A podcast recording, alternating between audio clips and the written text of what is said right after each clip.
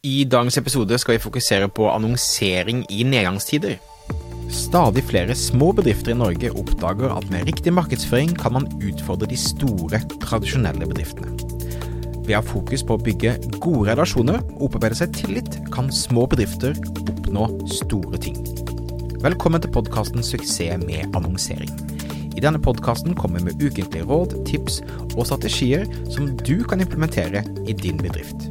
Mitt navn er Thomas Moen fra Moen Co. Vi er et mediebyrå som hjelper små nettbutikker å vokse raskere. Om du er helt ny på annonsering, kan du komme i gang gratis ved å gå til moen.no start for vår gratis startpakke. Hei, alle sammen. Det er um, utfordrende tider. Det skrives om uh, nedgangstider, nedgang i økonomi, det er masse usikkerhet, priser går opp. Det kan være skummelt å markedsføre i disse tider. I dag vil jeg snakke litt om mine refleksjoner om hvordan du bør tenke rundt uh, markedsføring og annonsering i nedgangstider. Og det du kan forvente gjennom året, er jo at folk er litt mer skeptiske til å gjøre salg. Det betyr at som et utgangspunkt så må du fokusere på å få flere folk til å handle, med å øke konverteringsraten din, og du må få til å legge igjen mer penger med å øke snittorderverdien din. Med det som et utgangspunkt, så har jeg lyst med å begynne å fokusere på noe som Mark Ritson, som er en professor i markedsføring, nevnte i en artikkel jeg leste fra november i 2022. Han uh, har gått gjennom mye forskning i forhold til nedgangstider og markedsføring. Og det finnes mye data her man kan se på. Verden har vært gjennom flere nedgangstider. Noen av poengene hans tenkte jeg bare å gå gjennom her. Så for det første så sier Mark at eh, bedrifter har en tendens til å kutte markedsføringskostnader først. Og det er fordi at det har en ganske umiddelbar eh, effekt, der du ser du sparer penger. Men det han sier at forskningen viser, er jo at man bør tenke seg om flere ganger før man til slutt ender opp med å, å, å kutte. Han sier at det kan være risikabelt å kutte i markedsføringsbudsjettene, og peker på at eh, ja, det kan ha en kortvarig effekt både med sparing av penger og en kortvarig effekt med at man får flere, færre kunder inn osv.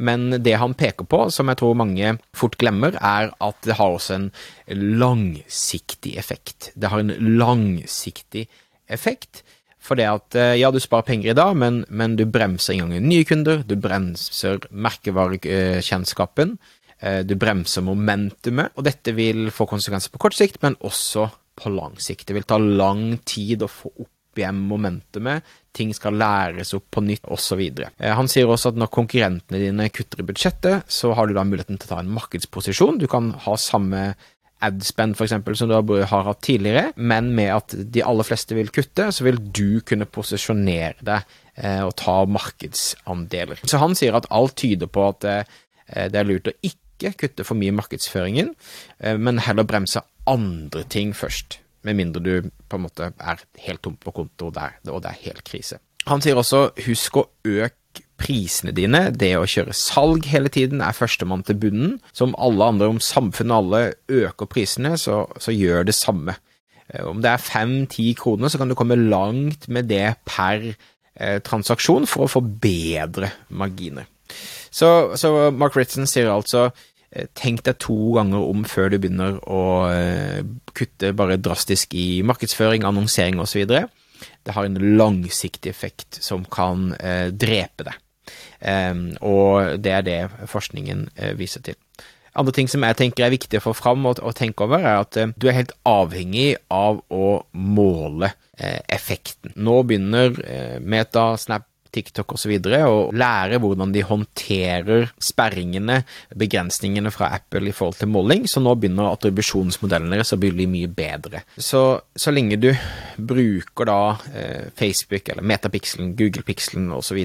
til å spore, og du ser da ROAS-en din, avkastning per annonsekrone, return on ad spend. Eh, så lenge du da er lønnsom, fortsett å gi gass. Fortsett å eh, kjøpe nye kunder der du tjener penger på det, for det er det du er avhengig av nå framover.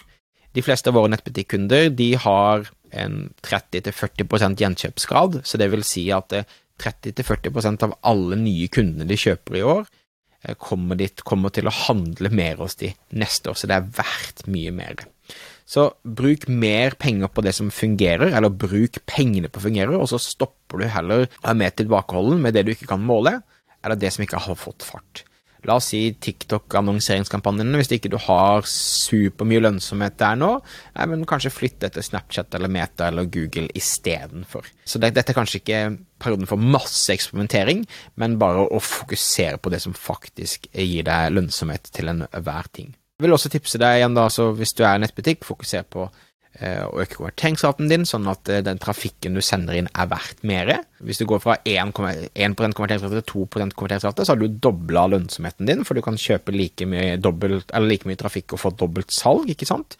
Og ha fokus på å øke snittordreverdien. Så det jeg prøver å si her, er ikke eh, få panikk. Se gjennom hva som faktisk fungerer, gjør mer av det, tenk langsiktig og jobb med det du kan kontrollere. Det kan kanskje føles som en skummel, eh, overveldende tid, men det tror jeg virkelig er viktig. Jeg bruker ikke normalt å pitche inn 'kom til oss, få hjelp av oss' osv., men en ting vi har gjort mye av det det siste, er å gjøre eh, audits, altså gjennomganger av meta-annonsekontoer og gjennomganger av nettbutikker, der vi går inn og ser på hvordan ting står, og, og mener å komme med råd til hvordan det kan bli eh, bedre. Så hvis du tar kontakt ved kontaktskjemaet på moen.no, så kan vi gjennomføre en sånn en audit. Det koster 3000 kroner.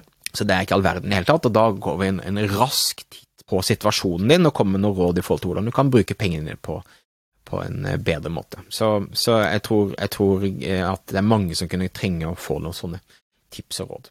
Og hvis du er en stor nettbutikk som har momentum, men er usikker på hvordan du skal få navigere dette året, så kan du også alltid selvfølgelig ta kontakt også på moen.no, og så kan vi se på om vi kan hjelpe deg med annonseringen eller e-postmarkedsføring.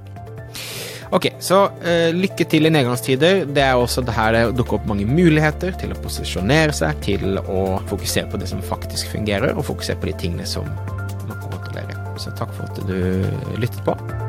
Mitt navn er Thomas Moen, og vi høres neste uke for en ny episode av Suksess med annonsering. Ha det fint.